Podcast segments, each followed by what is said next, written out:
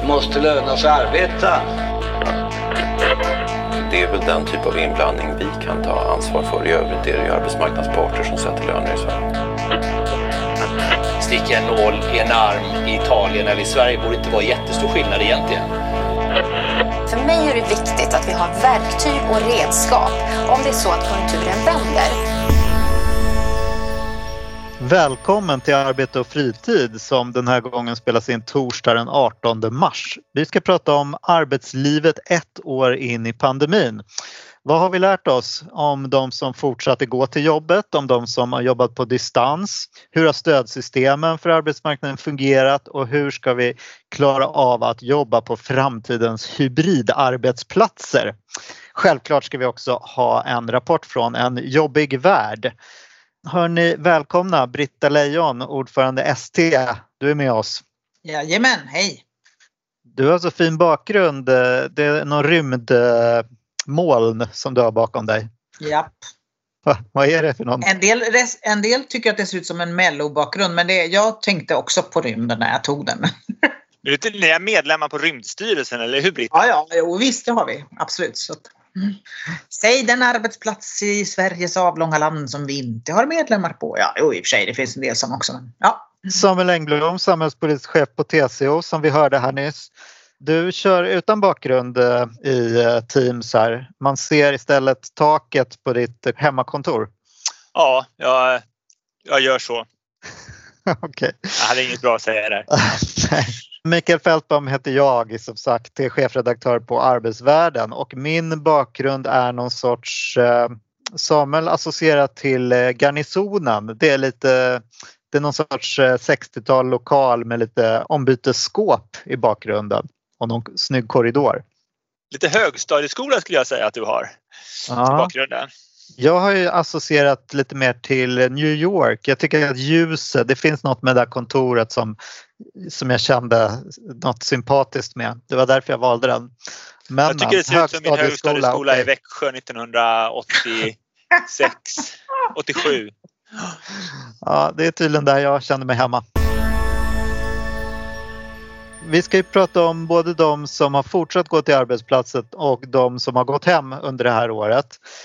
Eh, och jobbat på distans. Men de som har fortfarande går till sina arbetsplatser de har ju liksom fått stämpeln samhällsviktiga. Det är både vård och omsorg, utbildning, det är också transporter, matbutiker som har liksom kommit att upplevas som samhällsviktiga uppdrag och som att man har stått i frontlinjen i corona, något vi har hört mycket. Eh, LO gjorde ju någon utredning, jag minns att 90 procent av LO-kollektivets medlemmar har fortsatt gå till sin arbetsplats.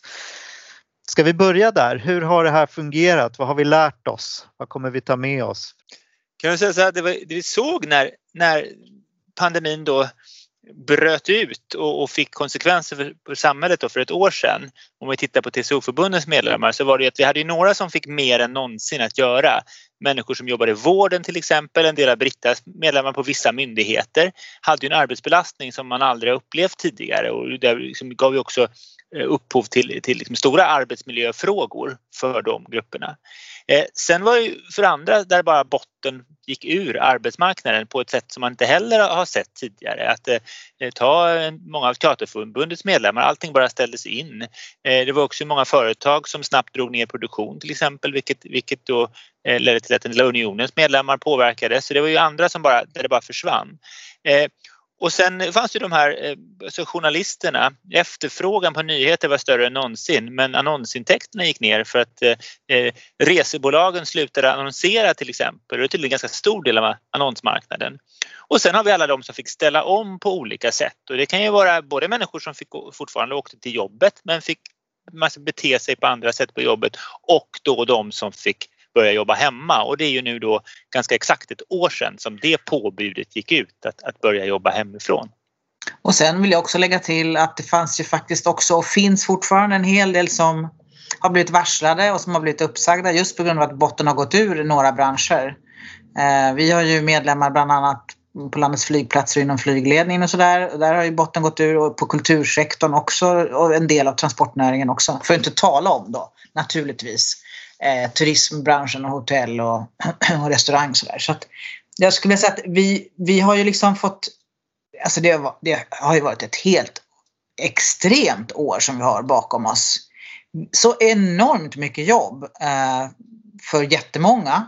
Precis som du sa, de som befinner sig i vården eh, i frontlinjen men också många andra eh, Eh, på myndigheter och i eh, kommuner och sådär. Men, men också för oss i facket. Herregud så mycket, så mycket nya situationer som vi har behövt handskas med snabbt så många nya avtal, så många särskilda avtal för att hantera den här situationen som vi har fått göra. Allt ifrån de här eh, korttidspermitteringsavtalen, många olika eh, situationer som vi har försökt handskas med och också en hel del väldigt speciella övertidsavtal och, och, också krislägesavtal vet jag för eh, vissa, inom vissa förbund. Så att det har också varit, ja, jättemycket, förlåt Mikael, din fråga handlade om de som går till jobbet. Ja, ja just det. Hur, hur har det sett ut hos er? För många har ja, fortsatt det... gå till jobbet i statlig sektor. Eh, ja, alltså ja, i början var det ju så att det var ju väldigt många som inte, av myndighetsledningarna som inte riktigt fattade läget utan det är kanske inte är så konstigt, det hade man ju svårt själv att inse i början också.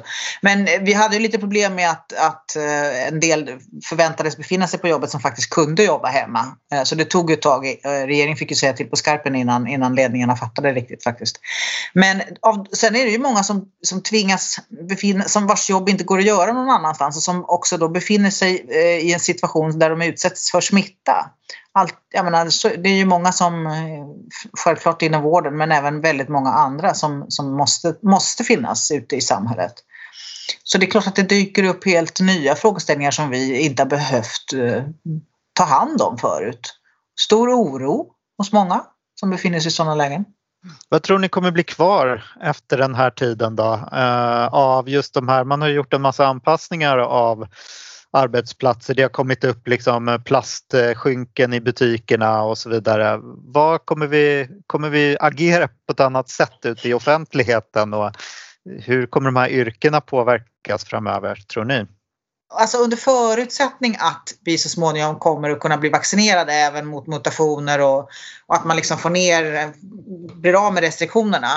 Under förutsättning av det så tror jag så småningom att människors beteenden ganska mycket kommer att gå tillbaka till, till hur vi var förut. Vi, vill, vi är sociala varelser, vi vill kramas. Gud vad jag längtar efter att få krama. Alltså jag har inte kramat min mamma på över ett år. Alltså, det är, alltså vi vill vi är ju sociala varelser, vi vill ju ta på varandra, vi vill kramas.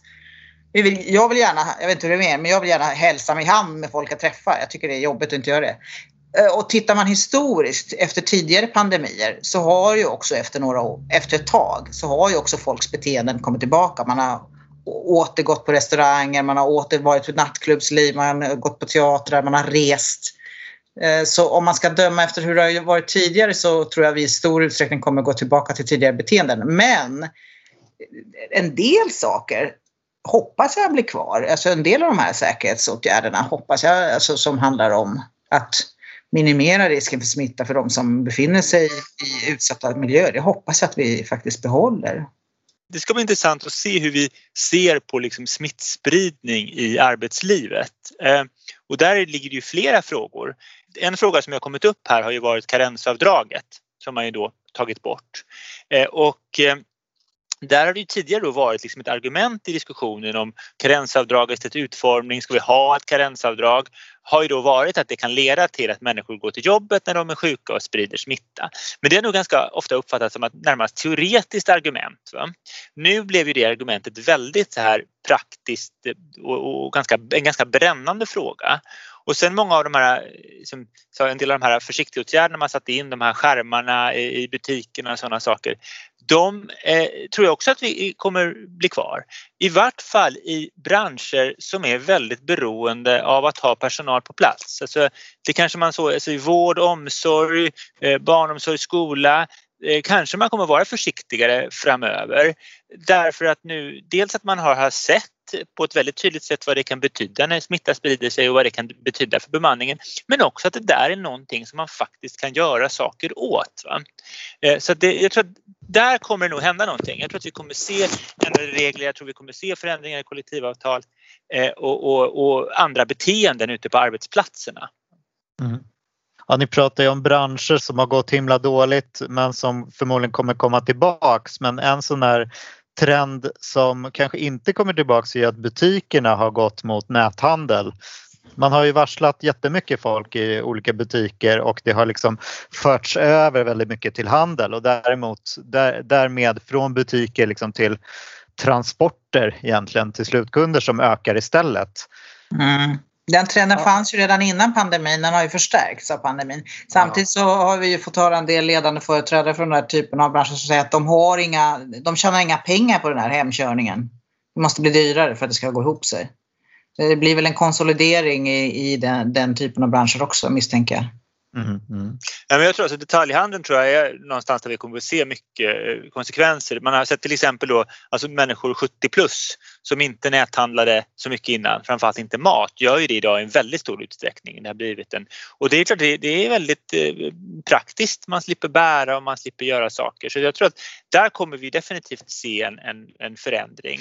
Eh, och det är klart, jag tänker på senare år om vi tittar runt storstäderna och även mindre städer, det har byggts väldigt mycket stora köpcenter och sånt. Det är frågan om kommer alla de där att bära sig? Jag tycker att redan innan pandemin så kunde man ibland känna kring Stockholm att det kanske är lite överetablering. Det var många lägen där man, det var hela tiden var nya affärer eller så sitter du att här kommer liksom en ny affär snart upp. Att det, det kändes som att lönsamheten inte riktigt fanns där.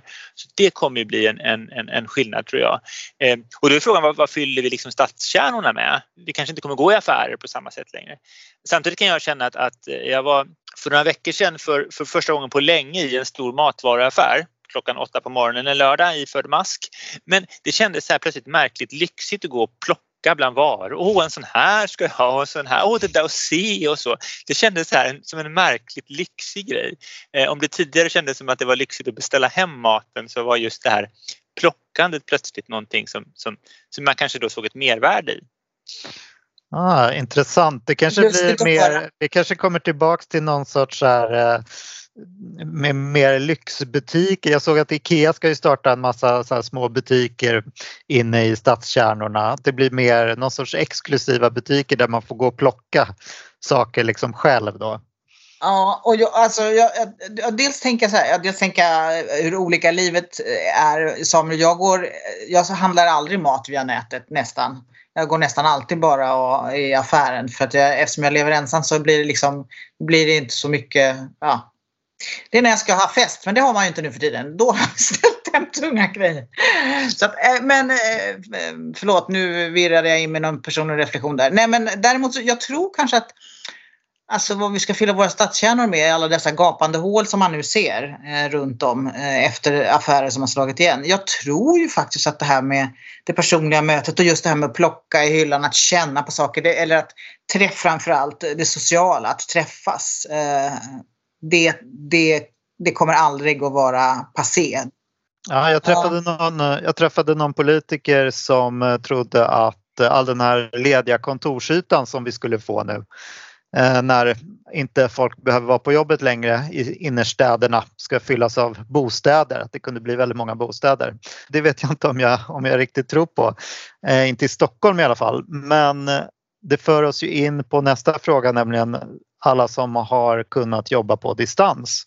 Samuel hade ju stora förhoppningar eh, i början här av pandemin på att distansarbetet nu skulle bli så mycket smartare. Har de infriats? Ja, alltså jag tror ju att vi har blivit, vi har ju blivit duktigare på att använda de här verktygen. Även om jag nog ändå vill säga att vi, vi i stor utsträckning så har vi nog liksom, traditionella möten men lite sämre eh, som jag sa, vi har liksom inte gått över till nya sätt att ha möten men vi har lärt oss det här. Då. Eh, och då finns det nackdelar, så just det här att känna av eh, om du säger någonting eh, Eh, och så vill du veta hur de som sitter i rummet, om de, är det här bra eller dåligt eller liksom känna av. Det är ju väldigt svårt. Jag menar jag, har, jag leder en statlig utredning, jag har referens och expertgrupper. typiskt sett där du vill känna av rummet. Det är helt omöjligt när, all, när, när, du inte ser de flesta av dem för att de är små, små Skype-bollar. Liksom. Eh, så det, jag menar, det, det, vi kommer ju aldrig nå, nå hela vägen. Eh, det, liksom, det är ju klart. Det kommer att bli mer av distansarbete för det har blivit så mycket lättare. Vi kommer vänja oss vid att det är någon i ett möte som sitter på väggen på en, på en skärm. Liksom eller några nästan varje gång. För då kan man vara med även om man inte är där. Det där har fördelar men också risker. Vi vet av historien att när flexibilitet i arbetslivet används på olika sätt av olika grupper, framförallt används det olika sätt av män och kvinnor. Det finns en risk tror jag att kvinnor kommer använda den här flexibiliteten till att liksom ja, få livspusslet att gå ihop och så. Medan män kanske kommer använda den för att eh, ändå kunna åka på, eh, liksom, jag kan ta ett möte när jag ändå är på semester så jag ändå är med i matchen. Eh, vilka är det som kommer åka in till jobbet? Kommer det vara så att, att det, liksom, du kommer ha större möjligheter till inflytande till befordran och sånt om du är mycket på jobbet jämfört med om du mycket, jobbar mycket hemifrån. Jag tror att, eh, det är ju många arbetsgivare som kanske ser möjligheter nu att krympa kontorsyta, att hitta nya sätt, att, att erbjuda den här flexibiliteten till sina anställda som kan vara eftertraktad. Men jag tror att man måste hålla väldigt koll på vilka använder flexibiliteten till vad? Vad får det för effekter? Alltså vad skapar det här för mönster? Mm, för det är ju fortfarande ett gigantiskt experiment vi gör. Mm. Och också det här risken att människor faller ur en, en, en, en arbetsgrupp. Säg att du har en, du kan ha en medarbetare som du liksom inte träffar. Det, verkar, ja, men det, verkar, det mesta verkar vara ganska okej. Okay. De sitter där, är med på mötena och de levererar och sånt. Ja, fast det är kanske signaler på hur den här människan mår som du hade uppfattat om ni var på plats. Men som är lättare att dölja och lättare mm. liksom och, och, och svårare att uppfatta eh, när man sitter på, på distans vi ska inte bara se så här som här kommer en skön ny värld med massa nya möjligheter och, vi kommer vara så superflexibla utan vi måste också vara väldigt noga när vi observerar konsekvenserna. Mm. Det här kallas ju eh, för Hybrid Workplace Fairness. Det var ju inspelat vi fick att vi skulle prata om när vi la ut det här i sociala medier. Eh, och det har vi ju gjort nu. Eh, det gäller att vara rättvis och att klara av de här hybridarbetsplatserna, alltså där några kommer jobba hemifrån och andra kommer sitta inne på kontoret. Britta, man kan känna att det finns outnyttjade möjligheter kanske, alltså det där att vi jobbar lite grann som vi alltid har gjort och inte har upptäckt de nya sätten att jobba. Kan det finnas saker kvar att eh, börja jobba med? Har du tänkt på något åt det hållet? Väldigt många tror jag av de som först inledningsvis fick gå hem kände nog att åh, lite lyx, inte lyx, men lite, lite skönt kanske att slippa hålla på och åka fram och tillbaka till jobbet och trängas i kollektivtrafiken eller, eller gå upp tidigt eller komma hem sent eller vad det nu är, vad, vilka arbetstider man hade och det där just livspusslet och eh, springa och hämta på dagis och sådär lite lättare kanske att få ihop saker och ting. Men så här efter ett år så tror jag att de flesta i högre grad ser nu eh, avigsidorna som ju handlar om ja, men, svårigheten att ha framdrift i verksamheten på ett, på ett, liksom ett ett kreativt nytänkande sätt. Liksom. Alltså det här med att förvalta och precis som Samuel sa, att, att ha liksom det löpande, det går väl an. Även om vi liksom ser en högre grad av missförstånd tycker jag. Eh, och precis som du var inne på, det går inte att läsa av folk och varandra på samma sätt. Man kan inte stämma berätta, berätta om något roligt missförstånd då. Uh, roligt missförstånd. Nej, jag har bara haft tråkiga missförstånd allvarligt talat. Så är det. Där man, fått, där, där, där man har missförstått varandra så får man liksom lägga ner timmar på att försöka reda upp det där sen efteråt. Eh, nej, jag har inga roliga missförstånd som man kan komma på. Och sen det här med eh, avigsidorna när det gäller psykiska måendet hos många. Alltså det här med att man riskerar att fastna i en värld hemma där hemmet och jobbet blandas. Man sitter i samma soffa, i samma köksbord oavsett om man är ledig eller jobbar man liksom eh, med restriktionerna också har väldigt begränsat socialt umgänge. Alltså det finns ju väldigt många nackdelar med det här livet som vi nu har levt i ett års tid för de som är hemma också. Så att eh, jag tror och hoppas att vi kommer att ta med oss det bästa av det här och, och, och återknyta till det bästa av det gamla. Det vore väl underbart. Tänk om vi liksom lär oss att jajamän, det går alldeles utmärkt att jobba på det här sättet och ha möten på det här sättet. Vi behöver inte åka till Bryssel för ett fyra timmars möte faktiskt. Den tiden är över. Och vi kan snabbt ha möten med medlemmar oavsett om de finns i Kiruna eller Ystad. Eh, det grejer vi att få ihop snabbt. Det tar inte samma långa logistikövning eh, utan vi kan snabbt få ihop folk och prata om något viktigt här och nu. Alltså det finns ju jättestora fördelar men, men också att vi inser att det är ett enormt värde i mötena som uppstår spontant på en arbetsplats och eh, det sociala samspelet som bidrar till en kreativitet som vi inte kan tvinga fram på, på liksom, utan som kommer av, av att man möts och dryftar gemensamma funderingar kring, kring, kring arbetet och det gemensamma uppdraget. Du, Britta, du är inne på att folk nu är så himla trötta på det här. Vi pratade ju lite förut om att om ni skulle göra om de här undersökningarna nu som ni har gjort både ST och TCO så skulle folk vara, säga att det här med hemarbete var inte lika roligt som man sa i september. Men jag tänkte på det också, jag pratade med en kollega, så nu ska vi få så samtal hem där vi ska liksom visa upp vår arbetsplats och vår fysiska liksom omgivning och det är ju en sån här grej som brukar skötas av, det brukar komma någon expert och så tittar man på ergonomin och så där. Men hela den här psykiska biten eh, den ska ju skötas av chefen i allmänhet eller möjligen någon HR-avdelning. Men det kommer liksom ingen expert, det kommer inte ringa hem en expert och prata med mig 15 minuter om hur jag klarar psykologiskt att sitta hemma. Man kunde få någon sån vision av att det kanske skulle ringa en psykolog istället och prata 15 minuter istället för en ergonom. Låter utmärkt och du sätter ju fingret på en av, en av de grupperna som verkligen har fått ett annorlunda uppdrag. Det är ju cheferna som ska liksom ansvara för arbetsmiljön fast under de här förutsättningarna som är helt annorlunda än tidigare. Det, blir, det är ju svårt. Ja, jag tycker det låter som en bra idé, Mikael. Bra, jag ska pitcha in det till eh, TCO. Samuel. Nej, men jag tror att man ska eh, verkligen ta den frågan om den, om den organisatoriska och sociala arbetsmiljön på allvar i de här situationerna. Och nu har det gått så länge. Jag tänker att när vi först eh, då för ett år sedan skickades hem, då de som jobbar på kontor och så, då, då var, blev ju mötena jättekorta för vi tänkte att ja, ja, vi, vi skjuter på de där grejerna till sen. Eh, och sen blev mötena ganska snabbt lika långa som de brukade vara för att vi upptäckte att vi kunde inte skjuta på saker och ting längre.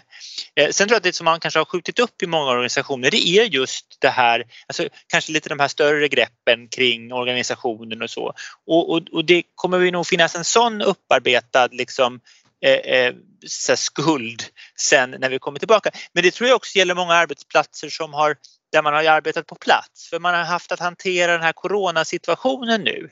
Eh, och det har varit i fokus. Och då kanske det finns många andra frågor, inte minst vad gäller arbetsmiljön, som liksom har fått stå tillbaka. Så jag tänker när vi går tillbaka till liksom en mer normal situation, då tror jag att en, en väldigt, kanske en stor fråga för, för många fackliga organisationer, framförallt ute lokalt ute på arbetsplatserna, kan ju vara liksom att se till att man tar itu med det där som har blivit liggande. Och det gäller liksom oavsett om man har jobbat hemifrån eller om man har jobbat på, eh, på plats. Va? I bägge fallen så finns det sannolikt saker som man liksom inte har, har, har tagit itu med under den här tiden. Mm. Och jag tänker också att det kommer det krävas en hel del tror jag det där att gå tillbaka. Det kommer nog inte komma av sig självt. Det kräver nog också en del funderingar. Alltså, vi är olika eh, som människor och en del tror jag kommer att dra sig längre än andra för att återvända till kontoren och utsätta sig för miljöer där många människor rör sig. Eh, så att jag, jag tror att det finns eh, en utmaning i, i det här med att gå tillbaka. Det kommer att bli på något annat sätt. Vi vet ju inte hur den här återstarten och återgången kommer se ut än. Om vi tror, tänker oss ett scenario där vaccinationen drar ut på tiden men man ändå känner att nu i höst vi måste börja återstarta, vi måste komma tillbaka till, till jobbet och sånt och restriktioner lyft. Men det finns en del människor som fortfarande kommer kanske vara ganska rädda. Alltså det, det har vi också sett, det här har ju tagit sin, sin, sin liksom, eh, tagit hårt på en del människor. Liksom, som, som, och, och där tror jag också att man kommer behöva, måste vara väldigt lyhörd i arbetslivet Eh, när man ber människor gå tillbaka till jobbet eller eh, börja arbeta liksom på mer normala sätt. Eh, därför att det kan vara, finnas människor som inte är riktigt är redo för det än därför att man fortfarande upplever liksom pandemin som ett hot och sånt. Och det här är kanske kan prata mer om det sen, att en sak vi har lärt oss är ju det här liksom informationsspridningen och hur den påverkar hur människor mår, hur människor uppfattar sin situation. Eh, tänk ett scenario där vi har, vi har vaccinerat stort sett alla som behöver vaccineras och så säger vi nu ska vi gå tillbaka till arbetsplatserna och så kommer det någon sån stor uppmärksammad nyhet eller en konspirationsteori som handlar om att det finns en sjunde mutation och den biter inte något vaccin på eller de här vaccinen biter inte på den. Och då kanske människor säger men vänta jag, jag, jag är inte skyddad, jag kan kan inte gå tillbaka. Eh, och det tror jag också vi måste förbereda oss på. Hörni, ska vi eh, snurra upp ett varv från eh, den fysiska arbetsplatsen till det lite mer makroperspektivet ehm, och kanske också till beredskapen för kommande kriser. Men det här kring korttidsarbete och olika typer av omsättningsstöd, trygghetssystemen, hur har de fungerat, vad kan göras bättre? Vill ni plocka några tankar eller slutsatser kring hur, hur de här sakerna har fungerat? Alltså jag tycker, jag vet inte vad du vill säga Samuel, men jag tänker att det är mycket som har mycket som har åstadkommits på kort tid från, från det politiska systemet för att stötta i en, en helt exceptionell situation. Alltså jag tycker att det ändå är fantastiskt bra att man på relativt kort tid ändå lyckades ihop jag vet inte hur många stödpaket där under förra våren eh, för att liksom försöka stötta både företag, branscher och enskilda individer. Jätteviktigt med a-kassehöjningen, jätteviktigt med omsättningsstöden och, och liksom andra stöd till olika eh, näringar. Men, men eh, men sen är det ju också väldigt tydligt hur mycket som inte har funkat och som borde ha funkat. Alltså jag tycker att pandemin har visat på bristerna i Välfärdssverige eh, och bristerna i beredskapen som vi måste göra. Vi måste göra någonting åt i båda de här fallen. Och vilka brister då? då? Ja men massor. Men dels det här med till, tillfälliga förändringar i, i eh, sjuklönelags, i sjuk, alltså rätten till sjuklön efter 180 dagar. Det är ju förändringar som vi borde, borde permanenta och det borde utsträckas inte bara till liksom corona, covid. Eh, A-kassan borde definitivt vara permanent högre. Eh, sånt här som handlar om Eh, för att, för att se till, vi har ju i grunden ett bra eh, system på plats. Eh, att man liksom inte ska drabbas ekonomiskt vid sjukdom och när när man måste vara borta. Men det behöver förstärkas. Just nu har vi en pågående diskussion om, om Försäkringskassan eh, och vi har haft eh, jag menar det här med karensdagar och vi har haft smittbärarpenning och alltså, en massa saker som behöver förstärkas och förbättras eh, i våra existerande socialförsäkringssystem. Plus hela beredskapsfrågan. Liksom detta faktum att regionerna faktiskt inte hade beredskapslager fast de skulle. Och det faktum att vi, trots att vi är en liten befolkning så är vi ju geografiskt väldigt utsplittrad och vi har ett, ett splittrat ansvar för också mycket av de här institutionerna eh, som ska funka. Det kanske ändå är så att vi har ett litet behov av lite mer centrala och centralistiska lösningar i vårt land än vad vi idag har. Vi kan kanske inte fortsätta att ha 21 olika lösningar på, på, eh, från regionernas håll kring en del viktiga eh, centrala frågor. Eh, jag tyckte det var så tydligt när, när Försvarsmakten sa att de var beredda att hjälpa till men de visste inte vem de skulle prata med och, och polisen när det gäller vaccinationerna. Och polisen uppmanade regionerna till att gå ut med lite mer ensad information till alla som ska vaccinera sig så att, man, så att det inte blir lika lätt för bedragare att lura åldringar och andra som ska vaccineras här nu i första skedet. Alltså vi har en del saker att eh, eh förbättra, helt klart. Mm, bra, det där sista, vi har ju, eller jag har ju försökt trycka på er en podd om lite där vi pratar om eh, förhållandet mellan stat, regioner och kommuner. Jag läste nu en DN-ledare i morse som tyckte att Danmark hade det bättre för de hade flera myndigheter som tog hand om hälsofrågor och på det sättet så blev det lite överlappning och folk kunde tycka lite olika och därmed hade de fått bättre resultat för att politikerna hade så många att ta hänsyn till. Det kan vi prata om i den här podden också om, om det var ja, Det var ju en ortodox lösning. Eller hur? Mm. Ja, Samuel... Det går inte att jämföra det danska systemet med vår stats, statsförvaltning. Det ser väldigt olika ut faktiskt. Ja, förlåt, jag ska inte säga mer. Ja, vi kanske ska ha en dansk gäst i det numret helt enkelt. Samuel? Ja, nej, men jag, precis som Britta sa, så när, eh, om vi tittar på hur man hanterar arbetsmarknadsfrågorna eh, under pandemin så får man väl säga att eh, dels så var man ju ganska snabb med de här olika stödpaketen. Eh, då, eh, man var också snabb alltså med korttidsarbetet. Där fanns det ju då från finanskrisen ett förslag som hade tagits fram och sen hade det lagstiftats, sen kom det ny.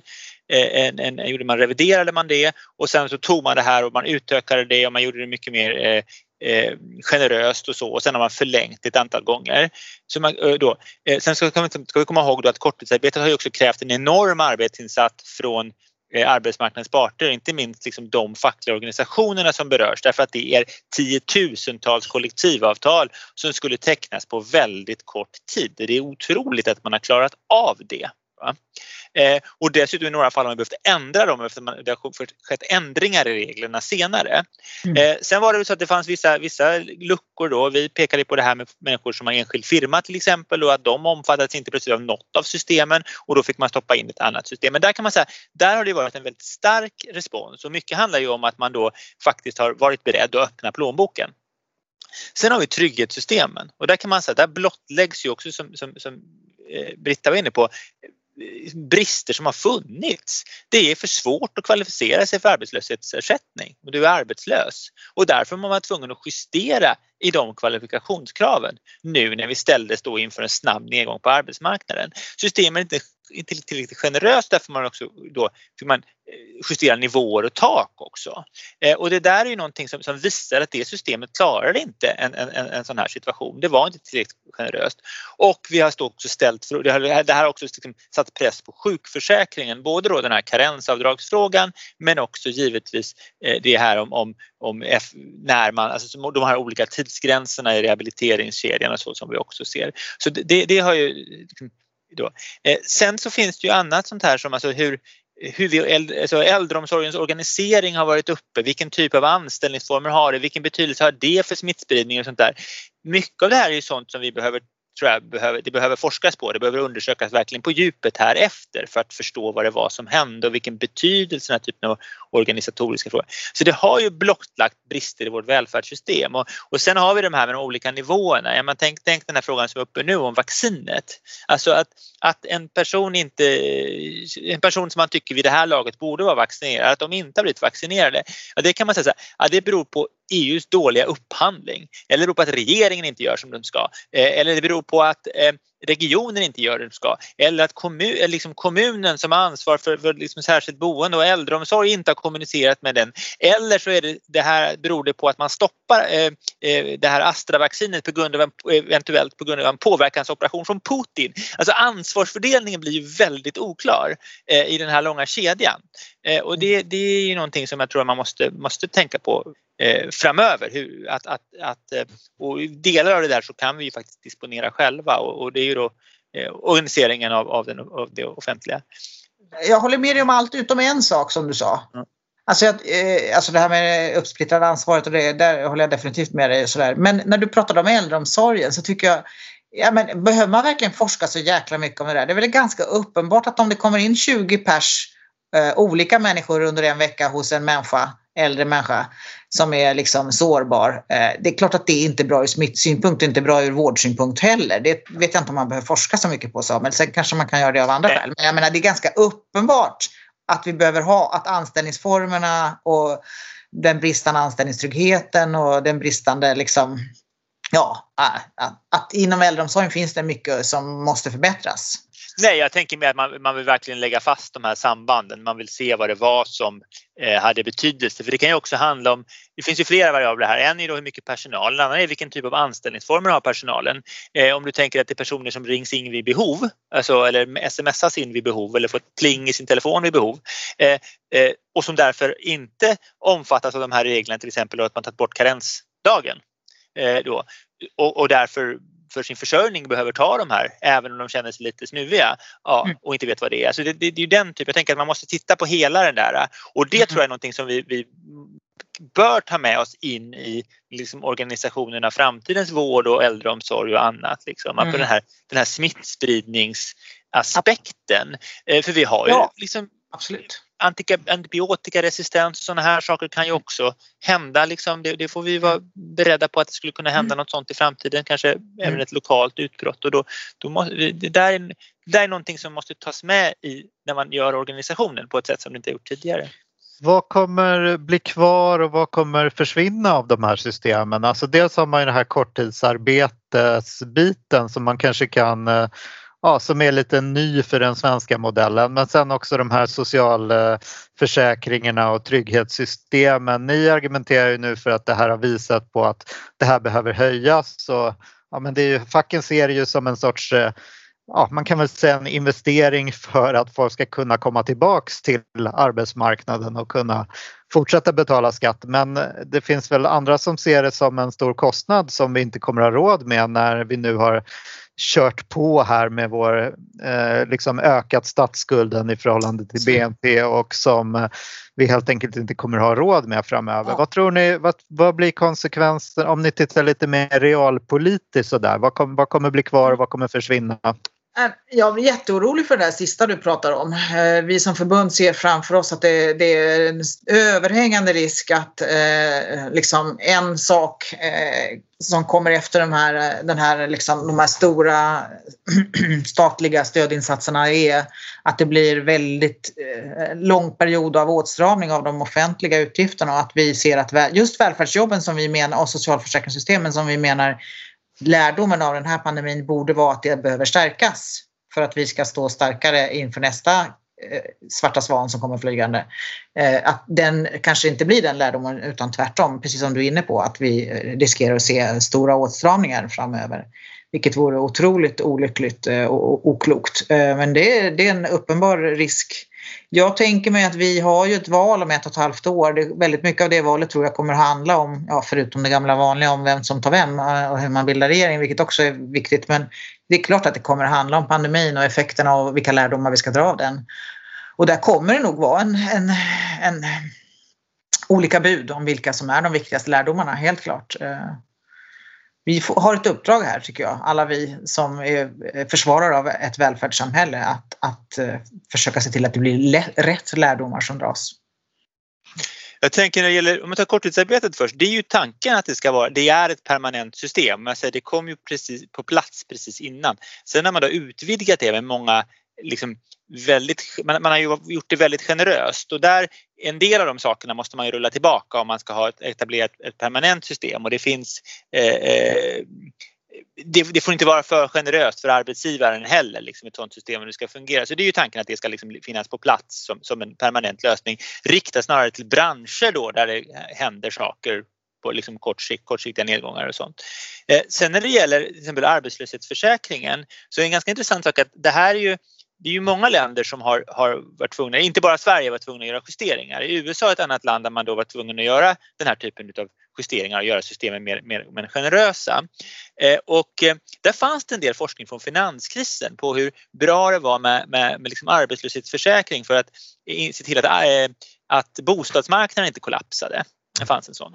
Nu finns det ny forskning från de här senaste erfarenheterna. Man använder då det faktum att man har olika regler i olika delstater och så här och att, att man gjorde förändringar vid olika tillfällen och sånt också. Som också säger att nej, att, att, ha, att ha en generös arbetslöshetsförsäkring är inte alls dåligt eh, ur eh, liksom sysselsättningssynpunkt utan det tycks som att ja, kanske det är så att folk, sö det, folk söker inte lika många jobb, men söker de rätt jobb så effekten blir att arbetsgiv arbetsgivarna får inte massa liksom, felansökningar bara för att folk ska söka jobb. Liksom. Att man, gör, man får liksom den typen utav, av, av effekter. Så jag tror att jag hoppas också att vi kanske ser en får en lite annan syn på den här typen av, av system nu när de har testat så här hårt. Och, och sjukförsäkringen är ju också ett, ett sånt. Eh, eh, man öppnar nu upp för att den här eh, karensavdragsfrågan den ska kunna avgöras i kollektivavtal på branschnivå. Och det är kanske är en sak vi har sett att förutsättningarna eh, framförallt för korttidsfrånvaro ser lite olika ut i olika yrken och då det kanske man måste ta hänsyn till då. Och då är, har vi ett instrument för det i Sverige och det är kollektivavtalen. Så det, jag tror att få, man kanske kan få en del diskussioner på branschnivå. Så. Sen är frågan vem som ska betala för det, det är ju en annan sak. Men, men eh, kanske den typen av diskussioner kommer att dyka upp också. Mm.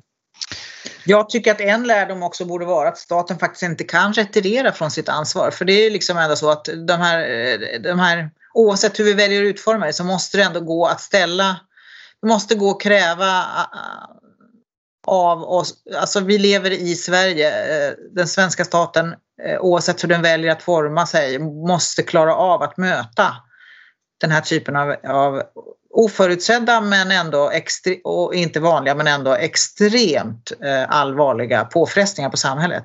Vi måste ha en samhällsorganisation och ett ansvarsutkrävande som funkar inte bara när solen lyser utan också i sådana här kriser. Så jag, tror, jag hoppas innerligt att vi får en, en eh, ordentlig eh, diskussion och, och lärdom som inte handlar om några blame game utan faktiskt om att hur bygger vi Sverige så starkt och bra som det bara går inför framtiden.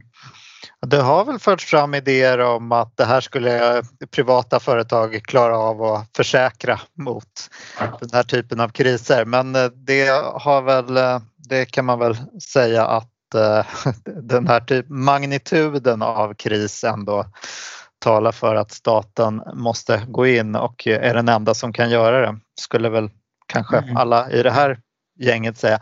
Men hörni, om ni får välja en bestående förändring, vad kommer det bli? En förändring är nog att vi kommer ha en annan syn på hur förutsebar framtiden är. För vi har liksom nu fått lära oss att det finns det här väldigt oför, det finns oförutsägbarhet på ett sätt som vi kanske inte har tänkt tidigare. Eh, att det kan hända saker som berör hela världen, även oss här eh, i, liksom, i ett ganska stabilt och välmående hörn av Europa eh, och, och, som kan liksom få stora effekter på ekonomin och på, och på människors liv och på människors hälsa. Så jag tror att den där oförutsägbarheten kommer nog Eh, gör att vi ser lite annorlunda på risker, förhoppningsvis. Alltså att de här du vet, beredskapsövningarna och sånt här man har kommer kanske faktiskt tas lite mer på allvar därför att det här är saker som kan inträffa. Att vi kommer se kanske den här beredskapen som någonting mycket mer närliggande, någonting mycket mer nödvändigt. Sen vad det gör med oss som, som människor, det, det är ju en annan fråga och det, kommer, jag menar, det ska bli intressant att se vad, vad forskningen kommer säga om, om 30 år om, om de här de generationerna som, som har kanske påverkats väldigt mycket av detta. Tänk eh, liksom unga människor som då kanske ett och ett halvt år av liksom väldigt viktiga år i livet har, har blivit något helt annat än man tänkte sig. Jag undervisade för tredje terminens juriststudenter i Lund här för inte så länge sedan. Eh, de hade nog inte tänkt sig att de skulle i många fall sitta hemma hos sina föräldrar de första mm. tre terminerna på universitetet. Jag tror inte det. Eh, så det, det där, vår syn, vår, vår syn på hur förutsebar världen är och att det kan hända saker som vi absolut inte har förutsett, det, det tror jag blir en förändring. Mm.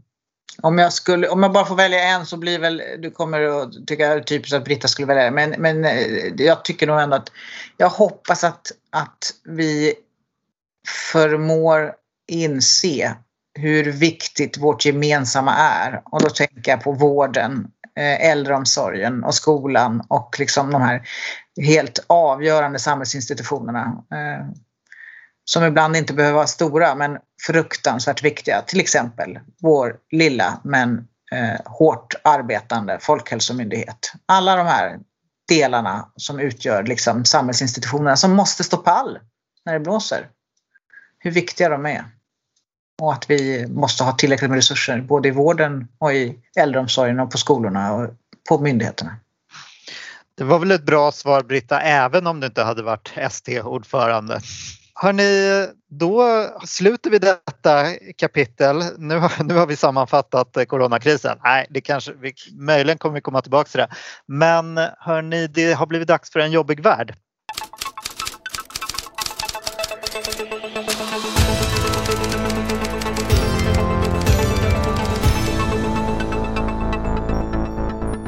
En jobbig värld hälsar idag de nya medarbetarna Paulina Neuding, Ivar Arpi, Alice Teodorescu, Thomas Gyr och Per Gudmundsson välkomna till sin nya arbetsplats. De fem profilerade skribenterna lämnar därmed den nystartade humorsajten Bulletin för att ingå i En jobbig världs storsatsning inför riksdagsvalet 2022.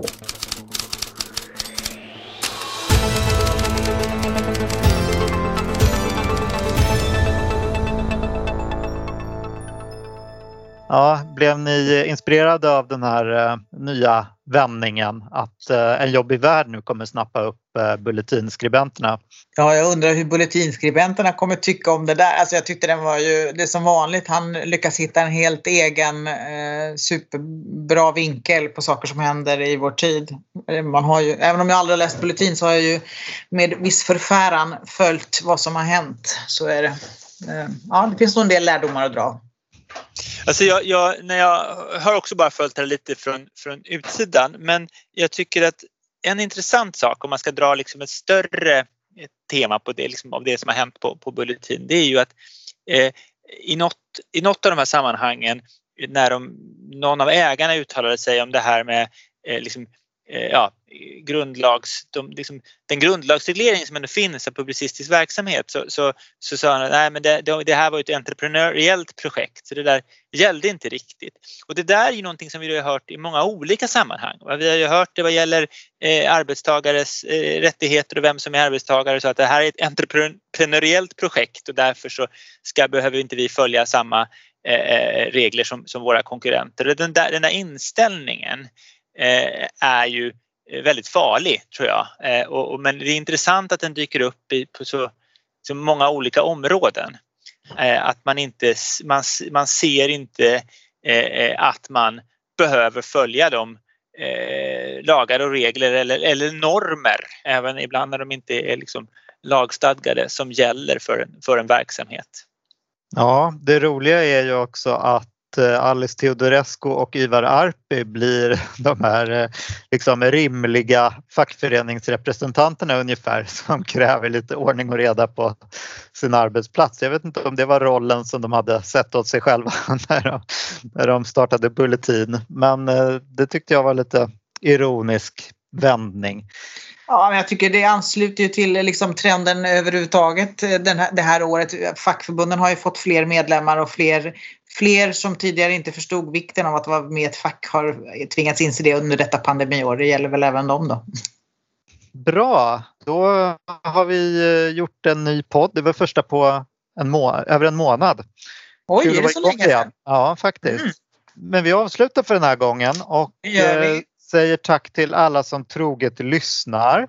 Och Eh, tack till vår kära panel med Britta och Samuel och till vår eh, ljudproducent och klippare Anders Ljung som sitter med oss här och lyssnar och tar anteckningar.